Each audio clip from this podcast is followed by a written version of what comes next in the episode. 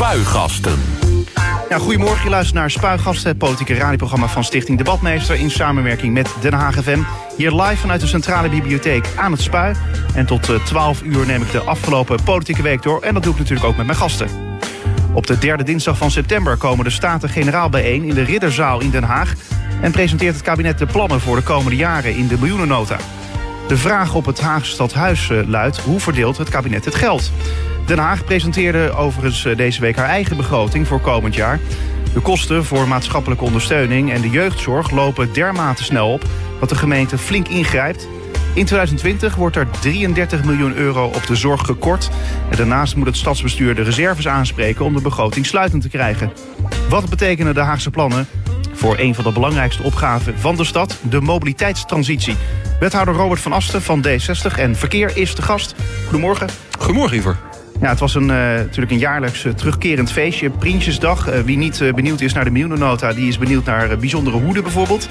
maar Den Haag beleefde deze week haar eigen miljoenennota. Want deze week is de begroting gepresenteerd. Is dat dan voor jullie nou net zo'n spannend moment als voor het kabinet? Nou, je bent er natuurlijk in de maanden er naartoe. Ben je wel heel hard aan het werken om te kijken van ja, kunnen onze plannen, onze ambities die we hebben neergelegd in het coalitieakkoord, uh, kunnen we die gewoon door blijven zetten met ja, de financiële tegenwind die we dan toch hebben ervaren vanuit, uh, vanuit het Rijk. Minder bijdrage vanuit het gemeentefonds, jeugdzorg, waar we gewoon te weinig krijgen van het Rijk. Ja, hoe kan je dat opvangen? Dus dat is wel heel spannend om te doen, maar bij ons geen, geen hoedjesparade op het moment dat we hem presenteren. Nee, is dat niet jammer? Nou, misschien zouden we er een nieuwe Haagse traditie van kunnen maken. Ja. Ja, nou, wie weet trekt het dan nog meer uh, toeristen aan. En dat is het volgende onderwerp uh, waar we het ook straks in dit programma over gaan hebben. Uh, want Den Haag moet een stad zijn die bruist. Een aantrekkelijke stad trekt immers toeristen... die voor ondernemers geld in het laadje brengen... en zorgen voor werkgelegenheid.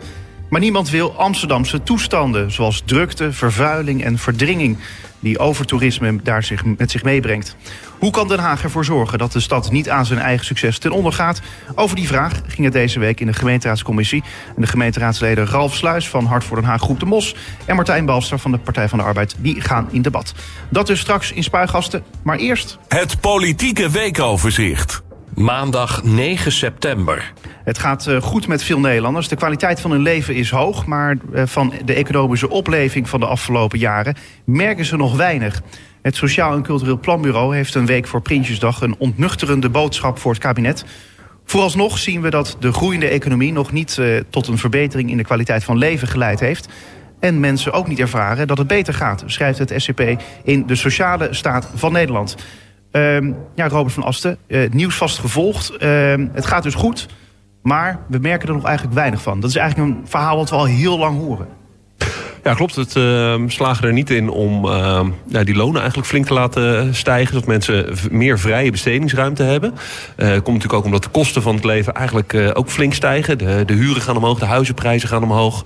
Ehm, ja, en dan, dan snap ik dat mensen ervaren dat het, uh, dat het ze niet beter afgaat. Terwijl er dan wel allemaal juichende berichten komen over een groeiende economie. En ik denk dat we daar heel hard aan moeten werken om dat gevoel weg te nemen. En tegelijkertijd ook wel uh, neer te zetten dat het eigenlijk natuurlijk met Nederland in zijn geheel best goed gaat. Hè. Dat wordt er mooi gezet als, uh, nou, met, met ons gaat het slecht, met, met mij gaat het goed het land ligt er ook wel mooi bij. Ik denk dat iedereen ook weer terug, die terug is gekomen van een vakantieland... en je hoeft maar door België heen te rijden om te zien...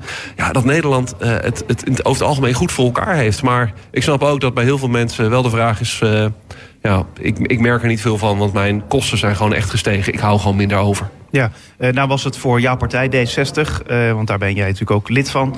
Uh, ja, was natuurlijk de afgelopen jaren toen de, de, PvdA en de VVD in het kabinet zaten...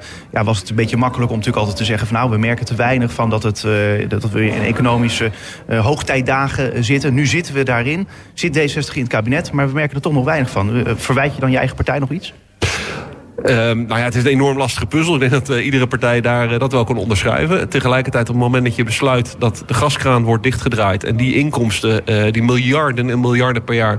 niet meer de staatskasten, staatskisten inkomen...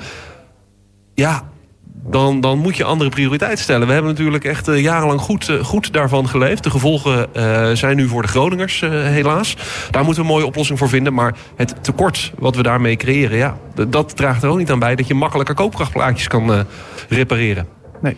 Dinsdag 10 september. Verwacht wordt dat jaarlijks 4 tot 5 procent meer reizigers gebruik gaan maken van het OV. Om de groei van het aantal reizigers op te vangen, past ProRail de infrastructuur aan. Perrons en stationshallen worden namelijk te krap voor het aantal eh, groeiende reizigers. En uh, de perrons op Den Haag Centraal moeten langer worden. En op HS is ProRail bezig met een reizigerstunnel. Uh, ja, het is eigenlijk natuurlijk een beetje in, staat in verhouding tot het verhaal waar we het zo meteen over gaan hebben, over de schaalsprong OV. Is het nou zorgelijk of denk je van, ja, er gloort juist iets van hoop of zo? Ik vind, het, uh, ik vind het zorgelijk. Goed dat deze maatregelen getroffen worden. Want dat zorgt gewoon voor betere veiligheid en, en meer comfort. Maar het laat alleen maar zien dat het uh, OV-systeem kraakt en piept in zijn voegen. En aan zijn eigen succes ten onder lijkt te gaan. Tenzij we besluiten daar flink in te gaan investeren. Uh, het vergroten van de perrons is, is dan toch een beetje een, een, een nuttig, maar toch wel echt een labmiddel. Ja, ik vraag me wel een beetje af. Ik bedoel, Den Haag Centraal is natuurlijk die afgelopen jaar enorm verbouwd. Hadden ze dat niet wat eerder kunnen bedenken? Nou, volgens mij waren er toen ook al plannen dat we ook aan de, aan de perrons echt wat moesten doen. Uh, de afgelopen jaren is er heel druk gebouwd aan de, aan de hal. Hè, waar vroeger uh, er geen zonlicht naar binnen kwam. Uh, nu een prachtige overkapping. dit is gewoon eigenlijk dan fase 2. Hoe zorg je ervoor dat reizigers makkelijker de trein in en uit komen? Woensdag 11 september. Rotterdam de Heek Airport mag niet verder groeien. Omwonenden en het milieu hebben veel te lijden onder het uh, uitbreiden van de geluidsruimte. Dat vindt een meerderheid van de Haagse gemeenteraad. De in totaal tien partijen willen ook dat zelfs een krimp van de luchthaven wordt onderzocht. Uh, ja, D60 steunt het ook, dus goed nieuws. Ja, mijn fractie uh, heeft die vragen medegesteld. Uh, ik denk het debat over, over de luchtvaart, over de luchtverontreiniging die dat met zich meebrengt, de geluidsoverlast, uh, of dat nou Schiphol is, of dat dat Eindhoven is, of dat dat uh, zeker Rotterdam de Heek Airport is, moet je meer dan serieus nemen. Ik denk het debat dat gaat over niet meer de kleine vluchtje, vluchten toestaan, uh, meer met de trein reizen, dat past hier naadloos bij aan. En ik denk dat je dan uh, de luchthaven Rotterdam vooral moet gebruiken voor, uh, voor echt zakelijk verkeer. En ja, dat ook zo beperkt mogelijk moet houden. Je zei de luchthaven van Rotterdam, niet Rotterdam de Heek Airport. ja, we kunnen het ook weer gewoon ouderwet 16 over gaan noemen. Dat, nou, ik zag het op de nieuwe bussen bij Leijenburg, die naar nou ja, Rotterdam de Heek Airport gaan. Zag ik ook Rotterdam Airport staan. Oeh, dan zullen we, nog eens even, zullen we nog eens even met EBS moeten praten. Maar misschien dat het net niet allemaal erin past uh, in, zo, het, uh, in, de lichtbak boven de bus. Maar zonder gekheid, uh, heeft de Haagse gemeenteraad hier überhaupt iets over te zeggen? nee, hier hebben we niets over te zeggen. We geven weliswaar hebben wij een afspraak gemaakt om de naam ehm, ook op de luchthaven te zetten. Dat is belangrijk, maar we hebben hier geen formele zeggenschap in. Dus alleen maar een signaal wat je nu afgeeft als gemeenteraad? Als stad met meer dan een half miljoen mensen een belangrijk signaal. Donderdag 12 september. De gemeente Den Haag staat machteloos tegen salafistische instellingen die, soms buiten het reguliere onderwijs om, lesgeven. Dat blijkt uit antwoorden van burgemeester Pauline Krikke op vragen van de gemeenteraad. Nieuwsuur en NRC Handelsblad onderzochten lesboeken in het islamitisch onderwijs en zagen dat sommige predikers opriepen dat je beter moordenaars kunt feliciteren dan iemand een prettige kerst wensen. De PVV in de Haagse gemeenteraad had een debat aangevraagd over deze kwestie. Uh, ja, Robert, toen je het nieuws hierover las of hoorde, uh, wat dacht je toen? Ja, ik, ik, ik schrik daar toch wel echt van hoor. En Um, en gelukkig ook vele mensen met mij. En, en ook wat ik gehoord heb, gewoon heel veel mensen in de islamitische gemeenschap, hier ook in Den Haag, die zich ook afvragen van waar, uh, waar die scholen mee bezig zijn. Uh, het is wel uh, bijna een soort underground scene die, die, die zich daarin met dit soort, dit soort praktijken inlaat. Maar ja, ik, ik zou bijna in ieder geval willen oproepen aan iedereen die zijn kinderen naar zo'n school stuurt. Wees je echt bewust van wat er, wat er wordt onderwezen. Want het, dat wil je toch ook dat jouw kinderen dat soort rare taal leren. Ja, toch vind ik het wel weer raar dan dat dit uh, ja, dan nu ineens uh, het daglicht ziet, zeg maar. Dat dit nu pas bekend wordt. Terwijl het is dus iets wat al langer gaande is. Ja, je hebt, eh, wat ik begrepen heb, uh, uh, gewoon niet zoveel zicht op, op ja, private weekendscholen. Ehm, je, hebt, nou, je, je weet met de inspectie, de landelijke inspectie weet wat er op reguliere scholen gebeurt, wat daar wordt onderwezen. Maar ja, wat mensen in hun vrije tijd doen, wat dat hier heet, daar heb je gewoon minder zicht op. Nou ja, daar is, is, nu ook, wat vanuit Den Haag wordt ondersteund, toch wel echt wel verzoek aan de landelijke politiek van maak daar nou eens betere controle op, maak daar betere regels op. Is dit uh, nou een soort van hoofdpijndossier waar jouw collega Saskia Bruines nu haar hoofd over moet breken? Nou ja, hier laat je er maar zien dat je als lokale uh, bestuurder, lokaal politicus... Uh, niet alles in de hand hebt. Hè? Dat je heel veel uh, afhankelijk is van wat zijn de landelijke wetgeving op dit, op dit soort dossiers. Maar wij hier in de stad hebben daar wel als eerste mee te maken. Want als er gewoon een generatie wordt opgevoed... of in ieder geval hè, een, een, deel van kinderen die compleet zich van de Nederlandse maatschappij willen gaan afzetten... dus van de Haagse maatschappij... dan wordt het wel heel lastig samenleven op zo'n heel klein, klein stukje Nederland. Ja, maar is het een hoofdpijndossier voor de wethouder van Onderwijs? Ik denk dat alles wat er gebeurt met, met kinderen in deze stad... dat, dat uh, trekken wij ons aan en dan kan je dat inderdaad een hoofdpijndossier noemen hoor. Vrijdag 13 september. Er komt een investeringsfonds van tientallen miljarden euro's om de Nederlandse economie te versterken. De minister van Financiën zal het geld beheren. En zijn collega van Economische Zaken mag projecten uitzoeken die geld uit het fonds kunnen krijgen. Dat staat in de miljoenennota die volgende week op Prinsjesdag wordt gepresenteerd. Maar de politieke redactie van RTL Nieuws, en trouwens ook de Telegraaf, die uh, hebben de plannen al ingezien. De vraag is niet meer of het fonds er komt, maar hoe. Een bedrag in de begroting wordt niet genoemd. En in de coalitie spreken partijen over enkele tientallen miljarden voor lange termijn investeringen. Uh, dit is dan wel positief nieuws. Ja, jammer dat het natuurlijk weer uitlekt. Maar goed, dat gebeurt. Dat is ook een jaarlijks evenement eigenlijk. Je moet je bijna als, uh, als medium uh, afvragen uh, als je hem niet hebt gekregen wat er misgaat. maar dat is dezelfde traditie als de, als de hoedjesparade is te uitlekken. Ja, maar ehm, inhoudelijk goed, toch? Lijkt mij. Ja, inhoudelijk zijn wij daar uh, als eh, Den Haag, maar eigenlijk als uh, alle grote steden zijn daar ontzettend blij mee. Want we zien dat we echt tegen een probleem aanlopen. En dat is dat we heel veel woningen moeten bouwen. Omdat alleen al zoveel mensen in de steden willen wonen dat de huizenprijzen door het dak gaan en dat er dus te weinig ruimte is. Tegelijkertijd wil je binnen in de stad bouwen, dan kost dat veel geld. En het is absoluut noodzakelijk om die steden met elkaar te verbinden. Om die nieuwe wijken goed met een centrum van de stad of met een station te verbinden. Nou, en dat alles draagt erbij dat je het arbeidspotentieel van iedereen kan benutten... en daarmee dus aan die economie kan bijdragen. Dus ja, we kijken echt uit naar dit fonds en blij dat het er eh, dus echt lijkt te komen. Maar uh, de vraag is altijd weer van ja, hoeveel geld is er dan bijvoorbeeld beschikbaar voor een stad als Den Haag? Ik denk dat je, uh, dat is inderdaad de, precies de vraag. Maar dat, uh, dan ligt de bal denk ik uh, terecht hier op het stadhuis. Wij moeten met een goede plannen komen. Wij moeten laten zien van dit is gewoon een goed bod. Hiermee investeer je dus echt in de economie van de stad. Door in de woningbouw, door in de mobiliteit en in de economie van de stad te investeren. Maar goed, er zijn uh, zoveel mensen, zoveel wensen, zoveel gemeenten die dat waarschijnlijk ook zullen doen. Ja, wij zijn met de uh, grote vier steden zijn wij uh, al lange tijd in gesprek met, met de diverse ministeries, met het Rijk, precies hierover. en ik zie dus eigenlijk dat dit fonds een, een, daar gewoon echt een, ja, een, een versnellingseffect aan kan geven. Dus die overleggen zijn er, de plannen die liggen klaar. Uh, we kunnen dus snel schakelen. Dus je wist zeker ook al dat dat fonds er zou komen? Nou, dat, dat was eerlijk gezegd... Uh, ja, we hoorden dat toen vorige periode, uh, of, of, een paar weken geleden... toen leek het plotseling in de lucht te hangen. Ik denk, nou, dat is inderdaad goed van het Rijk dat ze nu willen doorpakken. Dus ze snappen de noden. Nou, toen leek het weer even weer weg te zakken. en nu in de uitgelekte notities komt het er dan toch weer. Nou, daar zijn we natuurlijk ontzettend blij mee. En het is ook echt pittig hard nodig. Zaterdag 14 september. De Haagse burgemeester Pauline Krikke heeft de brandweer geen inzage gegeven in de voorlopige conclusies van het onderzoeksrapport naar de vreugdevuren tijdens Oud en Nieuw. Dat is opvallend omdat de brandweer een van de belangrijkste betrokken partijen is in de studie van de Onderzoeksraad voor Veiligheid. schrijft het AD eh, vanochtend. Uh, Robert, vind je dat zelf ook opvallend?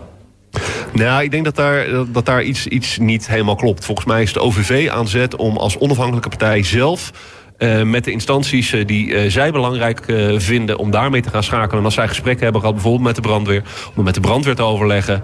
dit zijn onze conclusies, kloppen die volgens het gesprek die wij hebben. Dus dat gaat, loopt niet via de gemeente, alleen de communicatie uiteindelijk loopt via de gemeente. Maar de gesprekken, daar is de OVV vrij mee om die te voeren met wie zij willen. Maar goed, burgemeester Krik had ook kunnen zeggen... ik ga wel uh, ja, de, die stukken vrijgeven aan de brandweer. Dat is toch, ja, het is toch eigenlijk een soort van bondgenoot. Volgens, volgens mij zou daar, zij daar uh, formeel een strafbaar feit mee, uh, mee begaan... op het moment dat zij geheime informatie van het OVV deelt.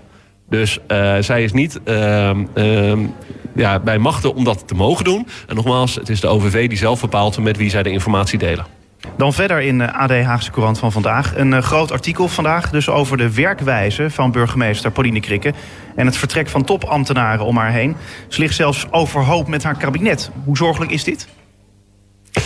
Nou, het, artikel wat ik las, dat, dat zag er zorgelijk uit. De vraag is altijd van, ja, waar, waar ligt nou die waarheid? Uh, het kan natuurlijk net zo goed zijn dat, uh, dat verschillende mensen gewoon een andere baan hebben gekregen. Uh, ik weet bijvoorbeeld van, van de hoofdvoorlichting, die heeft een, een hogere baan gekregen in Utrecht. Ja, dat is dus gewoon een carrière stap die, die je kan maken. en ik denk dat iedereen zo zijn eigen persoonlijk verhaal heeft om een nieuwe stap te maken. Dus dit wordt allemaal op één hoop geveegd en een verhaal van gemaakt, maar misschien een beetje tendentieus een beetje tendentieus. Maar goed, er zit misschien wel een kern van waarheid in. Als je ziet dat er bijvoorbeeld een appje van uh, Peter Hennephoff, de voormalige gemeentesecretaris, een advies geeft aan de burgemeester. En uh, ja, dat zij dat dan in de wind uh, slaat. En dat was hetzelfde als bij nou ja, de, de hoofdvoorlichting die jij net noemde. precies eenzelfde geval. Nou, ik vind dat het lastig om op dit soort gevallen in te gaan. Uh, zeker als er ergens één appje naar buiten komt. Ik denk dat een adviseur is inderdaad een adviseur. Die geeft een advies. Het is altijd aan de bestuurder om dat af te wegen. Mee te nemen in wat ga ik op dat moment doen. Nou, en op dat moment lag er natuurlijk al een verhaal van... nou ja, wij gaan uh, voor, deze, uh, voor een andere onderzoeksclub. Nou, dat is later weer omgedraaid. Maar prima dat dat advies wordt gegeven. Maar ja, als het wordt afgewogen en een andere keuze wordt gemaakt... dat doe ik zelf ook met, met de adviseurs. Ja, maar uh, het verschil maakt wel uit dat deze mensen blijkbaar nu wel een, een, boekje open doen. Of in elk geval, ja, de krant heeft dit soort dingen uh, gehoord. En dat, dat, dat is niet zomaar.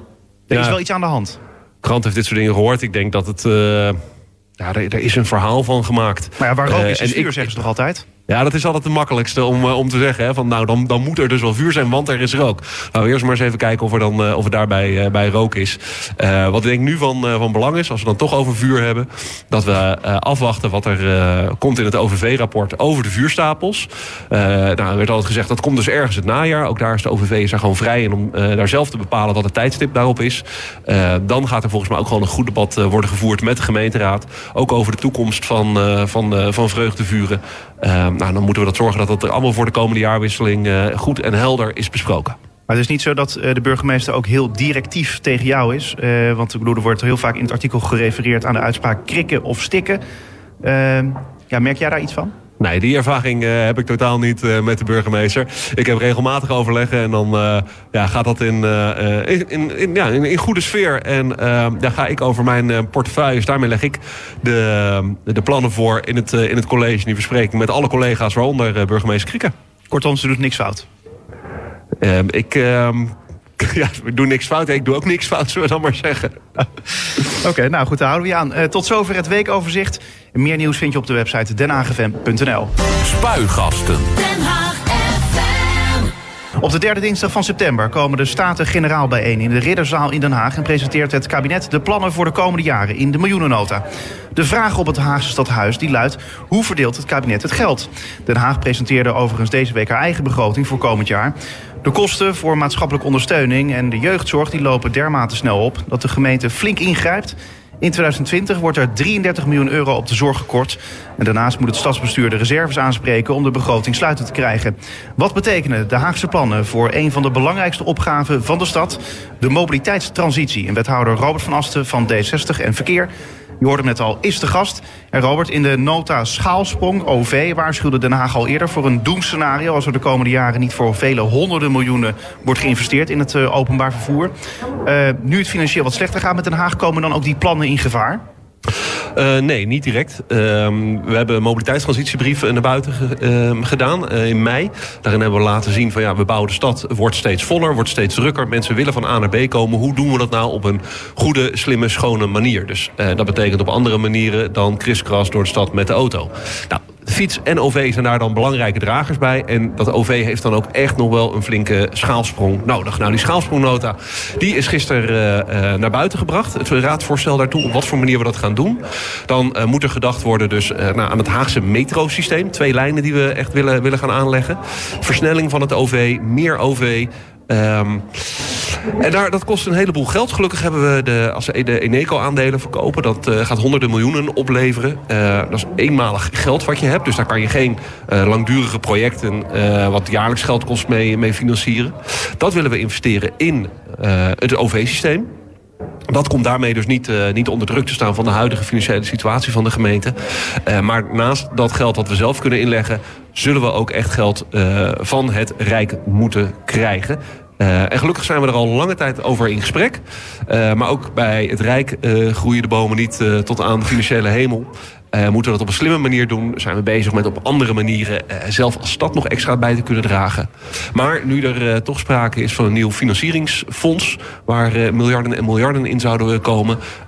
ja, hebben wij de plannen nu gewoon klaar liggen om te zeggen... nou Rijk, als jullie komen met dat fonds en jullie investeren in de stad... dan is dat goed voor de woningbouw, dan is dat goed voor de economie... dan is dat goed voor de bereikbaarheid van de hele regio Haaglanden. We hebben toch meer dan een miljoen mensen. dan is Den Haag er klaar voor. Ja, en uh, ik lees eigenlijk in dit plan uh, vooral uh, de naam Düsseldorf. Ik lees het bijna nog vaker dan de naam Den Haag. gaat het in Düsseldorf dan eigenlijk alles perfect? Als het gaat om OV, fiets en het OV? Nou, het is een Duitse stad, dus met de fiets gaat het zeker niet, uh, niet oké. Okay. maar daar was onlangs waren er nog ambtenaren van de gemeente Den Haag naar Düsseldorf gegaan om ze daarbij bij die plannen te helpen.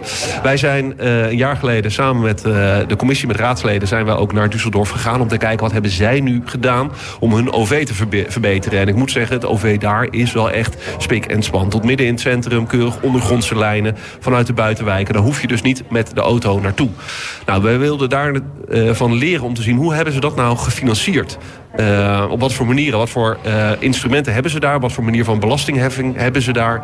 Uh, kan je dat vertalen, vergelijken met de Haagse manier? Nou, daar zitten nog echt wel wat haken en ogen aan.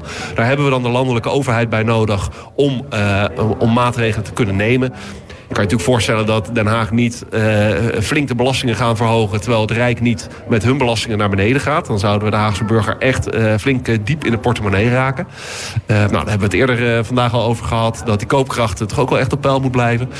Maar je moet wel zoeken naar nieuwe manieren van financiering. Anders is zo'n enorm project van het, van het maken van een tunnelsysteem voor de metro... Is, is simpelweg niet te doen. Ja, uh, ik lees dat er heel veel wordt geïnvesteerd in. Uh, dus dat er moet worden geïnvesteerd in de snelheid en uh, de kwaliteit op de hoofdassen van het OV-systeem. De Koningscorridor wordt dan genoemd, de Leijenburg-corridor en de Oude Lijn. daar moet sneller en vaker worden gereden. Maar waarom is dan een investering nood noodzakelijk? Want je kunt er gewoon trams vaker laten rijden. Nou, um, Sim te simpel gedacht zeker? Ja, dat, dat, is net, dat is net iets te simpel gedacht. Ik woon uh, aan lijn 2 in Loosduin. Als ik op de, s ochtends op de fiets stap, rijd ik over de Oude Haagweg, Loosduinskade zo de stad in. En die tram die fiets ik er met gemak uit. Zelfs al wacht ik bij elk stoplicht keurig voor het, uh, voor het rode licht. Zelfs al stop je? Dus eigenlijk stop je nee, zeg je stop, dat je... Ik, zeker nu ik wethouder ben, ik stop echt keurig. En nu ik ook alle cijfers van verkeersonveiligheid en steeds meer inzicht heb in ongelukken, raad ik dat ook echt iedereen aan. Want het is, ja, het, kan echt je leven redden. Maar los daarvan, die trams die stoppen dus heel vaak. En niet alleen voor haltes, logisch, maar moeten ook afremmen bij kruisingen. Soms moeten ze daarvoor stilstaan.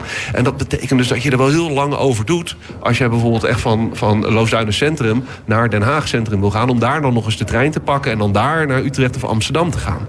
Met de auto ben je dan gewoon sneller. Willen we een alternatief bieden voor die auto? Zullen we snel OV moeten hebben. Dat betekent dat je dus een lijn hebt die dus vaker gaat inderdaad... maar dus ook ongestoord gaat. Echt gewoon uh, onder de kruispunten door. Of altijd groen, maar dat het wel veilig moet zijn. Dus daar zijn echt wel grote ingrepen op nodig. Ja, ik snap dat je als politicus graag vooruit kijkt... maar had je niet ook, als je zo even terug kunnen kijken samen... Ik bedoel, we liggen aan zee, we hebben geen ring... dichtstbevolkte stad van Nederland... Dat helpt allemaal niet mee. En uh, dan denk ik, ja, we moeten dus onder de grond. Nou ja, metro wordt dus uh, nu over echt aan gedacht, echt serieus. En dan denk ik, ja, die tramtunnel was een goed begin. Hadden we niet gewoon jaar geleden al kunnen zeggen... we moeten gewoon een metronetwerk hier aanleggen in de, in de stad? Ja, dat uh, had natuurlijk een heel, heleboel problemen opgelost. Hè. In de tijd dat Rotterdam en Amsterdam hun metrosystemen ja. begonnen te graven. Dan hebben we hier in Den Haag ook al een iets andere uh, uh, ondergrond Um, en het, het, grote verschil is met... Kijk, Amsterdam heeft van oudsher altijd uh, bewoning gehad... dat ook op de oude huizen al twee extra woonlagen had. Kortom, een veel grotere dichtheid van uh, van, van, van mensen. En ja, wil je zo'n lijn rendabel kunnen exploiteren... moeten er veel mensen gebruik van maken. Op het moment dat wij hier in Den Haag... Weet was het op een gegeven moment hadden we maar twee laagswoningen. Dat wilde men vroeger niet, hè, want we wilden geen Amsterdamse toestanden... want er zat een voordeur dicht en je wist nooit wat er allemaal achter die voordeuren gebeurde. Ja, toen was men nog echt van de, van de chicigheid... en uh, we wilden toch wel dat iedereen keurig opgroeide. Amsterdam dacht daar blijkbaar anders over. Daar plukken ze nu de vruchten van. Rotterdam natuurlijk ook, hè, na de oorlog een hele nieuwe stad daar gebouwd. Veel meer de hoogte in. Uh, nu gaan we in Den Haag, zeker op bepaalde gebieden... ook echt flink de hoogte in. Worden we echt een hoogbouwstad. En dan hebben we die dichtheid. En nu dus kunnen we die keus maken. Ik had het liever ook in het verleden al gedaan. Maar ach, uh, terugkijken is, uh, is altijd zo lastig. En tot slot, uh, dit weekend is natuurlijk weer uh, Open Monumentendag. Moet iedereen weer lekker naar al die monumenten uh, toe ja. kunnen. Met het OV met name, of met de fiets. Nou, het is mooi weer gelukkig. heb je zelf nog tips voor dit weekend? Ja, eigenlijk, ik ben natuurlijk ook wethouder monumentenzorg. Dus dan, dan krijg je dat al, al maanden van tevoren krijg je dat langzaam mee. En kan je erop gaan verheugen. de tips, ja, daar ga ik even gewoon hier in het centrum. Daar zitten we tenslotte nog even kijken. Wat altijd een van de hoogtepunten is, vind ik het paleis op de Kneuterdijk. Waar de Raad van State in zit. Prachtig ook de gotische zaal bezoeken. Um, een andere is alles rondom het Binnenhof is open. Eerste Kamer, Tweede Kamer. Maar het uh, misschien wel de leukste tip, wat ik zeker dadelijk zelf ga bezoeken... is het kabinet van de Koning. Dat is een prachtig pand op de Korte Vijverberg. Dus met uitzicht over de Hofvijver. Uh, een prachtig interieur, ook uh, nog gerestaureerd. dus die zou ik zeker ook gaan bezoeken. Maar voor mensen die het nog niet weten, maar wel denken... ik wil meer weten over die monumenten in Den Haag... ga naar het Binnenhof. Daar is de stand van de afdeling Monumenten. Dat kan niet missen. Daar kan je een prachtig boekje krijgen. Weet je precies waar je naartoe moet. Er staan wandelingen, kan je vanaf daar uh, meemaken. Uh, dan word je volledig begeleid naar de plekken die je echt gezien moet hebben in Den Haag. Nou, in Den Haag zijn er bijna 80 uh, monumenten te bezoeken. Dus ja, wie weet kom je bij een van die 80 monumenten dus wel Robert van Asten tegen, de wethouder van D60 en Verkeer in Den Haag. En monumenten dus. Dankjewel. Graag gedaan.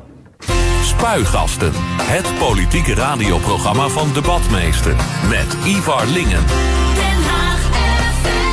Den Haag moet een stad zijn die bruist. Een aantrekkelijke stad trekt immers toeristen die voor ondernemers geld in het laadje brengen en zorgen voor werkgelegenheid. Maar niemand wil Amsterdamse toestanden, zoals drukte, vervuiling en verdringing, die overtoerisme daar met zich meebrengt. Hoe kan Den Haag ervoor zorgen dat de stad niet aan zijn eigen succes ten onder gaat? Over die vraag ging het deze week in de gemeenteraadscommissie. De gemeenteraadsleden Ralf Sluis van Hart voor Den Haag Groep de Mos... en Martijn Balster van de Partij van de Arbeid gaan in debat. Beide, goedemorgen. Goedemorgen. Goedemorgen. Ja, even een opsomming van wat we hebben... waar toeristen van heinde en verre voor naar Den Haag komen. Prinsjesdag, Paleis Noordeinde, Veteranendag, Binnenhof... Scheveningen, gemeentemuseum, de Victory Boogie Woogie... Mauritshuis, en zo kan ik nog even doorgaan. Uh, kortom, uh, die toeristen die komen wel onze kant op. Waarom dan nog meer moeite doen, Ralf? Ja, ik denk dat uh, je noemt hele mooie dingen op. En uh, het, is, uh, het toerisme in Den Haag is, is groeiende. Het, het bloeit zelfs, denk ik, dat we kunnen stellen met elkaar. We hebben ruim 500.000 internationale toeristen die hier naartoe komen. Maar als we het dan hebben over Amsterdam, dan gaat het daar over 6,2 miljoen buitenlandse toeristen. Dus wat dat betreft is het verschil natuurlijk nog enorm. En ik denk dat het goed is om het toerisme hier nog verder aan te jagen. Omdat we gewoon keihard banen nodig hebben in onze stad. 1 op de 10 Hagenaars en Hagenezen, die vinden al hun werk in de vrije tijdssector. Ja, dat kunnen natuurlijk nog veel meer worden. Als je kijkt dat we toch... Uh, nou ja, bijna 27.000 mensen uh, thuis op de bank hebben zitten... die misschien heel graag aan het werk willen. Ja, dan gunnen wij die van harte een baan in uh, deze hele mooie sector. Dat snap ik, maar je, je, noemt net zelf al Amsterdam als, als voorbeeld. Nou, als je het vergelijkt volgens mij met Den Haag... dan is het 13 keer zoveel toeristen Klopt, die ja. daar komen in, in, ten opzichte van hier in Den Haag.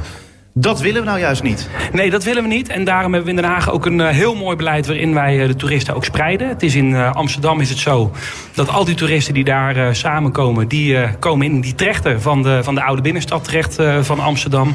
Nou, wij hebben in Den Haag gelukkig hele mooie plekken... waar we het over kunnen spreiden. Dus we hebben het centrum, we hebben Kijkduin, we hebben Scheveningen... en de internationale zone. En daar spreiden we eigenlijk de mensen overheen. Dus ik denk dat we aan de Amsterdamse toestanden... hier in Den Haag absoluut geen last zullen krijgen. Martijn, ben jij bang voor Amsterdam? Amsterdamse toestanden in Den Haag als we doorgaan met het ingezette beleid?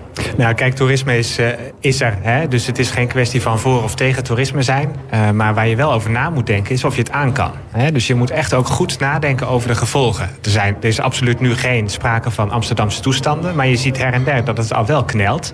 En dat als je goed naar de gevolgen kijkt, dat je moet oppassen dat je niet in Amsterdamse toestanden op lange termijn terecht zou kunnen raken. Want het kan heel snel gaan. Hè? Je, hoeft maar een paar keer in een Amerikaans blaadje te staan of in de Lonely Planet terecht te komen. Of het, of het gaat heel hard. En uh, Amsterdamse toestanden willen we denk ik allemaal niet. Dus, dus mijn devies aan het stadsbestuur was... Uh, let daarop, breng nu in beeld wat de neveneffecten zouden kunnen zijn... en speel daar op tijd op in. Ralf, heb je het idee dat de gemeente daar ook wel naar kijkt, naar die kant? Of kijkt de gemeente alleen maar, of kijkt het stadsbestuur alleen maar naar die voordelen van toerisme? Er wordt absoluut naar gekeken. We hebben van de week ook een goed debat gevoerd. En daarin heeft eh, de heer Balster ook een vijfpuntenplan aangeboden... waarin hij uh, daar ook uh, dit, uh, dit aangeeft. En ik denk dat dat ook heel serieus genomen is door de wethouder. Die kijkt daar ook heel serieus naar. Maar we hebben ook wel dat verschil met de Amsterdamse toestanden... dat wij hier um, heel ander type toeristen aantrekken. We trekken echte kwaliteitstoeristen aan. En dat heeft te maken met het aanbod wat we hier hebben... van mooie, kwalitatief hoogstaande evenementen. Mooie musea, leuke familieattracties ook. Zoals Legoland er straks bij gaat komen. Dus we hebben een heel ander aanbod ook, waardoor wij ook een ander type mensen aantrekken. En ik denk dat we daardoor ook nou, onze stad verder kunnen laten bloeien. En dat we echt de voordelen kunnen genieten die het toerisme ons ook biedt. Want het levert ook heel veel geld op. 1 op de 10 Hagenaars en Hagenezen werkt er al in. Er gaat 2,2 miljard euro om alleen in de Haagse toeristische sector. Dus wat dat betreft, die voordelen die moeten we gewoon met beide handen ook aangrijpen. Je noemde net Legoland. Nou is dat voor Martijn Balster van de Partij, Partij, van de Arbeid. Nou juist een voorbeeld van hoe het niet zou moeten. Martijn, leg uit. Nou, Legoland kwam natuurlijk op een financieel heel ingewikkelde en onverstandige manier tot stand. Uh, daar heeft de gemeente enorm veel risico's genomen. En dat moet ook blijken in de toekomst hoe dat uitpakt. En dat, dat is niet wat ons betreft de manier. En we vinden ook dat je echt moet opletten dat je de toeristische attracties die je hebt goed spreidt over de stad. Niet alles in Scheveningen, want nou ja, we zien deze zomer wordt het vuurwerkfestival afgelast omdat de veiligheid van mensen die er naartoe gaan niet meer te waarborgen is. Het slipt helemaal dicht. Nou, je moet echt wel kijken dat je daarop ingespeeld hebt voordat je vol inzet op marketing. En er gaan nu weer extra miljoenen naartoe. Uh, je moet echt die gevolgen goed in beeld hebben voordat je dat doet. En ik vind nog steeds dat in de nota die we van de week hebben besproken... dat daar eigenlijk geen aandacht voor is. En dat we al wel volop op die marketing inzetten. Nou, dat vind ik echt onverstandig. En er zijn nog wel een aantal andere nadelen... waar je goed rekening mee moet houden. Ja, want je noemde net ja, Scheveningen. En als je dan kijkt bijvoorbeeld inderdaad naar het vuurwerkfestival... dat afgelast is, omdat het gewoon te druk is. En ook de organisatie zegt van ja, wij kunnen gewoon die veiligheid ook niet meer garanderen... met al die strenge eisen die er zijn... Uh, dan zou je kunnen spreken al van Amsterdamse toestanden. In elk geval op Scheveningen. Ja. Denk ook aan, aan de drukke stranddagen. Ja, je ziet op piekdagen dat het eigenlijk al niet meer gaat. Hè? Dat het helemaal bomvol staat met auto's. En, en we moeten echt beleid voeren om die auto's en, en die touringcars... op hele drukke dagen buiten de stad te houden. Nou, ik vind dat het stadsbestuur daar, daar nog onvoldoende op inspeelt. En ook als je kijkt naar uh, de hotels hè, en de hostels die we hebben... die zijn ontoereikend op piekmomenten om, uh, om de gasten op te vangen. En wat zie je nu gebeuren? dat, dat fenomenen als Airbnb uh, ervoor zorgen dat uh, dat neemt enorm toe. Maar dan worden mensen dus in gewone woonhuizen gehuisvest. En dat leidt al op verschillende plekken tot overlast. En dat verdringt bovendien ook nog mensen van de woningmarkt. Dat is niet wat we moeten willen. Dus je zult eerst moeten voldoende uh, bedden moeten hebben... waar je mensen kunt laten overnachten... voordat je nu volop reclame gaat maken voor Den Haag als toeristenstad. Ralf, ben je daarmee eens? Nou, ik wil daar wel het, wel het een en het ander over zeggen. Wat betreft uh, de hotelsector, we zijn de derde hotelstad van Nederland. We komen uh, na Amsterdam en na Rotterdam. We hebben ruim 9000 kamers. Rotterdam heeft 9.500 kamers. We zijn een ongelooflijk inhaalslag aan het maken met, met de hotelkamers. Er komt een mooi groot hotel bij, bij Holland Spoor in het oude belastingkantoor, ruim 200 kamers. Er komt een mooi hotel op de Kneuterdijk ruim 200 kamers. Er is een hotel bijgekomen op de Lange Vijverberg, ruim 100 kamers. Dus die inhaalslag die wordt absoluut gemaakt. We hebben een gemiddelde bezettingsgraad van 75% hier in Den Haag van de hotels. Dus we zitten nog lang niet vol. Dus met 9000 kamers hebben wij echt een heel erg mooi aanbod. Het moet groeien, ben ik met de heer Balster eens. Dus het moet groeien. Dus iedereen uh, die nu zit te luisteren en die denkt... ik wil graag een hotel beginnen in Den Haag... meld je bij de gemeente, want we ontvangen jullie met open armen. Ook dacht, maar we, we, regelen het bij Groep de Bos. Maar... Uh, uh, meld je bij de gemeente en dan wordt het vast en zeker geregeld. Maar het beeld schetsen dat wij te weinig hotelkamers hebben... waardoor wij de gasten niet kunnen ontvangen... dat is absoluut niet waar. Met 9000 hotelkamers en een gemiddelde bezettingsgraad van 75% klopt dat niet helemaal wat de heer Balster zegt. Maar het punt is toch vooral ook van Martijn Balster... dat, ja, dat er mensen gewoon nog steeds op zoek zijn naar woningen. En dat die woningen nu beschikbaar worden gesteld via Airbnb. Er zullen een aantal woningen inderdaad beschikbaar gesteld worden Airbnb. Eh, wat, wat, mij betreft, en daar wordt ook, daar wordt ook over gesproken... de heer Balster heeft daar uh, iets in aangegeven, ook in debat... dat hij daar misschien een, een maximumperiode aan wil hangen. Nou, het college wil daar constructief naar kijken. Ik denk dat dat heel erg goed is. Wat dat betreft, sociale woningen, die mogen niet verhuurd worden. De particuliere sector, huursector... daar zijn mensen ook vaak gebonden aan contractuele afspraken... waardoor ze niet mogen verhuren. Dus dan heb je het echt over het eigen woningbezit... waar, waar mensen af en toe wat zullen verhuren. Ik ben daar niet pertinent tegen. Maar er mag ook over gesproken worden om daar misschien eens een maximum aan te hangen. Maar dat, dat gaat het college bekijken. Ja, maar Groep de Mos zegt daar in ieder geval niet meteen een nee tegen. Je moet plannen altijd gewoon goed bekijken. En het college heeft ook aangegeven van nou, als die angst er is, dan gaan we kijken hoe dat zit. En dan gaan we daar eens over nadenken. Maar wat mij betreft mogen mensen gewoon lekker af en toe een huis verhuren. Ik heb daar helemaal geen moeite mee. Ja, uh, Martijn, ik denk ook wel weer. Ja, toerisme brengt wel natuurlijk uh, geld in het laadje voor heel veel mensen. Uh, het zorgt voor werk, ook voor de gemeente trouwens, gewoon inkomsten. Um, ja, voor ook nog voor allerlei verschillende lagen in de bevolking. Met al die knaken die het dan oplevert. Hè, dan kun je toch eigenlijk ook als stad weer allerlei andere leuke dingen doen. Zoals de leefbaarheid uh, verbeteren. Uh, kortom, als je investeert in toerisme, dan kan je ook weer investeren in de leefbaarheid? Nou, dat is zeker waar. Hè? Het brengt geld in het laadje. Uh, economische groei uh, per definitie. Maar ook dan is het opletten hoe. En bij wie dat dan vervolgens terechtkomt. Hè? Als je ziet dat in sommige werksituaties in de horeca of in, in de hotels... de arbeidsomstandigheden heel beroerd zijn... en mensen worden uitgeknepen voor, voor baantjes die we eigenlijk met elkaar niet fatsoenlijk vinden en vervolgens maken die ketens grote winsten... dan vind ik wel dat je op moet letten. Hè? Wil niet zeggen dat je er tegen bent, maar dan moet je wel opletten. Vandaar dat wij aan ons puntenplan ook pleiten voor goed werkgeverschap. En je moet niet alleen naar de opbrengsten willen kijken. Hè? Uh, werkgelegenheid is belangrijk. Uh, maar als je nou kijkt naar dat fenomeen Airbnb... waar we het net over hadden... dan zie je dat die werkgelegenheid eigenlijk uit de hotels wordt verdrongen. Hè? En dat Airbnb-verhuur toeneemt. Ik ben er helemaal niet op tegen overigens dat mensen voor de periode dat zij zelf op vakantie gaan een woning verhuren. Maar stel daar dan een maximum aan, maak daar 30 dagen van. En dan voorkom je, wat nu het geval is, dat er al 900 woningen extra per jaar nodig zijn. Betaalbare woningen extra nodig zijn om mensen uh, een betaalbare woning te kunnen bieden in Den Haag. En we weten allemaal dat de woningnood gigantisch groot is. Ja. En daar moet je dus eerst op inspelen... voordat je nu de sluis openzet, om het maar zo te zeggen, uh, voor toeristen. Ja, die, die keiharde euro's kun je ook verdienen dus met toerisme... Uh, door juist binnen te harken, eigenlijk binnenhalen wat er te halen valt... En dan kun je dat geld ook weer investeren in nieuwe woningen, et cetera. Ja, maar je moet dus en uh, erop letten bij wie dat dan vervolgens terechtkomt. En je moet voorkomen dat je, allemaal, dat je misstanden krijgt en situaties die je niet wil. Want we hadden het natuurlijk net over de verdringing op de woningmarkt. Maar wat te denken van de overlast die het kan veroorzaken. Als je in jouw wijk uh, op verschillende balkons tot diep in de nacht mensen hebt zitten die, die lawaai maken, aan het drinken zijn. Uh, en op die manier de sfeer in woonwijken verpesten. Dat is niet wat we willen. Dus nee. zorg nou dat je dat eerst goed geregeld hebt. En dan inzet op marketing. Maar ja, tegelijkertijd willen we ook weer van juist het stigma uh, saaie ambtenarenstad af. Ja. Dus wat reuring is op zich goed, toch? Zo is het. Die Natu balkons. natuurlijk is reuring goed. En daarom zeg ik ook steeds... het is niet een discussie van voor of tegen toerisme zijn. Uh, Den Haag is een aantrekkelijke stad. Wie wil er nou niet naar Den Haag, zeg ik altijd. Hè? Dat is duidelijk. Maar zorg nou dat je het in goede banen leidt. Ja, uh, Ralf, uh, ja, ik bedoel, Bartijn schetst even van, ja, dat er dus ook wat, wat, wat problemen zitten aan de kant van toerisme. Als je dus kijkt naar de leefbaarheid. Zie jij, wat zie jij als problemen? Nee, ik zie geen problemen. Ik zie alleen maar, ik zie alleen maar kansen. En ik zie kansen voor onze stad uh, waarmee we uh, de middenstand kunnen helpen. Waarmee we de horeca vooruit kunnen helpen.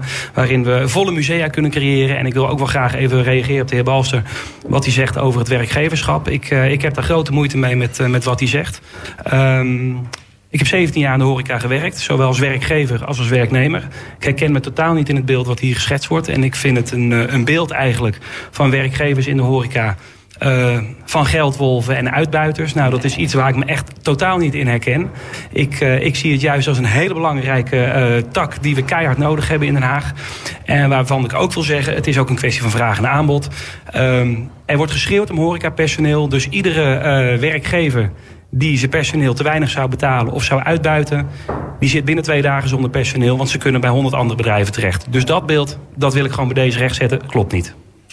Nou ja, maar ook dit is niet zwart-wit. En dat is, dat is wel even het manco in deze discussie. Dat het, het lijkt wel alsof het voor of tegen toerisme moet zijn. En alsof er, hè, nu schetst de heer Sluis een beeld dat alleen maar goed werkgeverschap is. Dat is natuurlijk niet zo.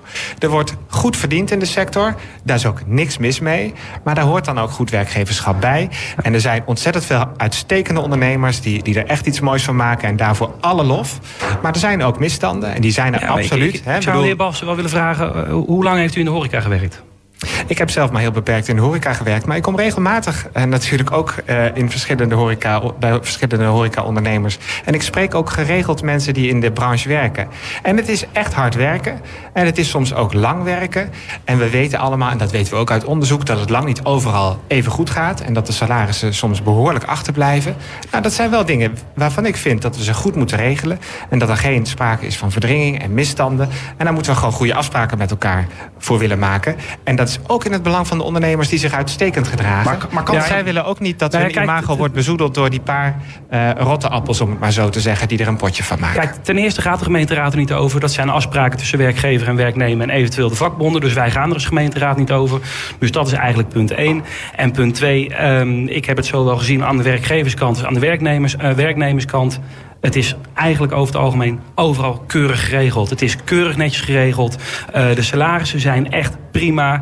Uh, ik, heb, uh, ik heb het altijd uh, leuk, leuk gehad in de horeca. Ik denk dat we die kanten ook moeten benadrukken. Ik denk dat het het mooiste vak is wat er is. Ja. En ik denk ook, het is het enige vak in de hele wereld waarin je niet praat over klanten, maar over gasten. En ik denk dat dat iets al alles zegt over hoe leuk de horeca is. En hoe trots ik ook ben op alle horecaondernemers hier in onze stad. En hoe trots ik er ook op ben dat ik het altijd heb mogen doen. Dus die pluim wil ik eigenlijk graag langs deze weg ook geven aan, aan de horecasector. En ehm, het tweede punt wat ik erover wilde zeggen is denk Ga lekker in de horeca werken, want het is juist heel erg leuk. En maak goede afspraken met je werkgever. Maar mensen schreeuwen om horecapersoneel. Dus ik ga ervan uit dat iedereen keurig netjes behandeld wordt in de Haagse horeca. Nou, dat punt heb je uh, luid en duidelijk gemaakt, denk ik. Uh, maar volgens mij is, ja, komt het overal wel eens voor dat er mensen zijn die er een potje van maken. En dat zal in de horeca net zo zijn ja, stampotje. Of uh, ja, je kan van alles krijgen natuurlijk in de horeca. En er wordt overal wel eens een potje van gemaakt. En dat gebeurt in alle sectoren. En uh, die excessen moet je natuurlijk altijd tegengaan. Ja, maar, maar uh, kijk, horeca mensen zijn natuurlijk hele mondige types. En die weten wat dat betreft wel hoe ze, hoe ze daarmee om moeten gaan. En ik ga ervan uit dat, dat mensen dat allemaal heel erg goed zelf kunnen regelen. En dat wij dat niet vanuit de gemeenteraad hoeven te doen. Martijn, wij hoeven dat niet als gemeente te doen. mensen kunnen dat prima zelf. Nou ja, wat ik al aangaf. Denk na. Altijd, denk altijd na over de gevolgen. Als je dus nu volop, hè, wij betalen Amsterdam, dus miljoenen nu om toeristen over te nemen uit Amsterdam. Als je dan niet goed hebt nagedacht over de gevolgen, dan ben je straks te laat. Dat zou ik heel onverstandig vinden. Dus denk op al die aspecten die ik noemde, over Airbnb als effect, over de verkeersdrukte die er is waar je op in moet spelen, waar bewoners echt last van kunnen hebben. Um, um, nou, hè, al, al die aspecten die ik net, het goed werkgeverschap, denk daarover na vooraf. Ja. En, dat, en dat mis ik. Hè. En in het debat is daar heel serieus op gereageerd. ben ik ook heel erg blij mee. Ons vijf puntenplan is ook heel serieus genomen door de wethouder. Maar een dag daarna zie je natuurlijk weer volop uh, Den Haag zich aanprijzen. En dan denk ik van ja, dat is een beetje de omgekeerde volgorde. Ja. En je hebt wat aandachtspunten dus op het uh, toerismebeleid van Den Haag. Heb je ook in die zin vergezichten van wat, wat zou er in Den Haag nou nog bij kunnen komen? Nou, wat ik, wat ik dus zie, en dat benoemde ik net al een beetje... Het is, het is al heel erg druk in Scheveningen. Dus we, we moeten daar volgens mij echt wel oppassen... dat we daar niet tegen de grenzen ja, aanlopen. Daar hoeft er niks bij, zeg maar? Nee, dus ik denk dat we echt eh, de spreiding... en dat zit wel in het beleid en dat wordt ook wel met de mond beleden... maar ik denk dat we echt moeten nadenken... hoe we de toeristen wat breder spreiden over de stad. Overigens wordt toerisme ook heel breed opgevat, hè? Het, uh, we moeten ons realiseren dat 80% ongeveer van de toeristen, zoals ze gedefinieerd worden, mensen zijn die uit de regio naar Den Haag komen om een concert te bezoeken of een sportevenement. En dat kan je natuurlijk veel gemakkelijker spreiden dan wanneer je het hebt over uh, het strandbezoek en de allergrootste festivals die er zijn. Maar daar hebben we natuurlijk maar een paar plekken voor. Denk daar goed over na. En zorg dan ook dat je, als je bijvoorbeeld denkt aan uh, wat levert het op aan banen, dat je dat ook bijvoorbeeld in Zuidwest doet. Of in het Laakkwartier. Uh, in de delen van de stad waar, waar je juist werkgelegenheid wil bieden... en mensen daar ook een kans in wil geven. Ja. Dus dat is ook een opdracht die we het college hebben meegegeven. En overigens wordt dat ook wel erkend, gelukkig. Ja, volgens mij staan er ook wel wat plannen in om in Zuidwest nee, ook uh, Absoluut. Kijk, absoluut. Uh, vandaag, vandaag zelfs de Eskamp Festival is weer terug ook naar winkelcentrum De Leijweg. Dus die is weer terug naar waar ze vandaan gekomen maar ja, zijn. dat mensen uit heel het land? Uit het buitenland? Of het mensen uit het hele land trekt, dat durf ik niet te zeggen. Maar het trekt wel heel veel mensen. En zeker naar die kant uh, toe, waar, uh, waar wij het allemaal heel erg leuk vinden. Maar wat niet altijd even goed gevonden wordt wellicht. En daarom is het goed dat je vandaag zo'n mooi festival hebt. Waardoor ze zichzelf gewoon uh, in alle, alle glorie kunnen, kunnen presenteren. Fantastisch weer erbij. Dus ik zou ook zeggen, ga er allemaal lekker heen vandaag. En ik denk dat dat al een hele mooie stap is, ook richting. Zuidwest. En er wordt ook gesproken over een mooie publiekstrekker, ook op Zuidwest. Dus daar hebben we ook over gesproken in het debat. En dat, dat heeft de wethouder, staat hier ook in het plan. Dus ik eh, ben heel benieuwd. Maar Zuidwest wordt gewoon keihard op de kaart gezet. Maar daar, daar wil ik nog wel iets over zeggen. Want, want dit klopt wat, uh, wat Ralf Sluis zojuist juist zegt. Maar de nota gaat nu heel erg uit van de kwaliteitstoerist. Moeilijk begrip. Ik weet nog steeds niet precies wat het college daaronder verstaat. Maar het lijkt toch Mensen de met toerist zijn met de dikke portemonnee. Ja, en als ik dan kijk naar, naar welke leuke evenementen er zijn... dan is dat lang niet altijd uh, uh, iets waar we... Ik, ik vind dat we daar ook heel trots op mogen zijn.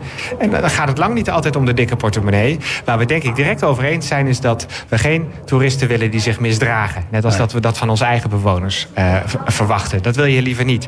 Of je dat kan voorkomen, of je daarop kan sturen... dat is mijn raadsel. Ik zou het niet weten. Maar ik zou zeggen, zet ook op de kracht van uh, de Haagse markt bijvoorbeeld in. Zeker. De grootste markt van Europa. Staat er ook uh, in.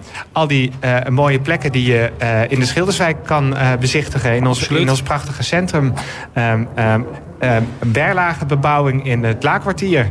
Eh, heel bijzonder architectonisch. Uh, zorg dat je ook die kanten van de stad laat zien. En op die manier dus en spreidt. En ook je werkgelegenheidseffect veel beter maakt. En een oranje museum misschien erbij? Nee, dat vond ik geen goed plan. Hè. Dat museum hebben we al. Dat is het Haagse Historisch Museum. Daar kan je dat prima in kwijt. Ja, dat is een plan van Ralf Sluis, hè? Oranje ja. museum? Ja. Eigenlijk ik, ik had gedacht dat je dat helemaal geweldig zou vinden, Martijn. Nou, dat, uh, daar denken we iets anders over. uh, nee, kijk, ik bedoel, dat museum hebben we. Het Haagse Historisch Museum kan uitstekend ook aan de uh, geschiedenis, historie van ons Koninklijk Huis aandacht besteden. en ik hoorde 50PLUS al roepen dat dat ook wat verder moet gaan.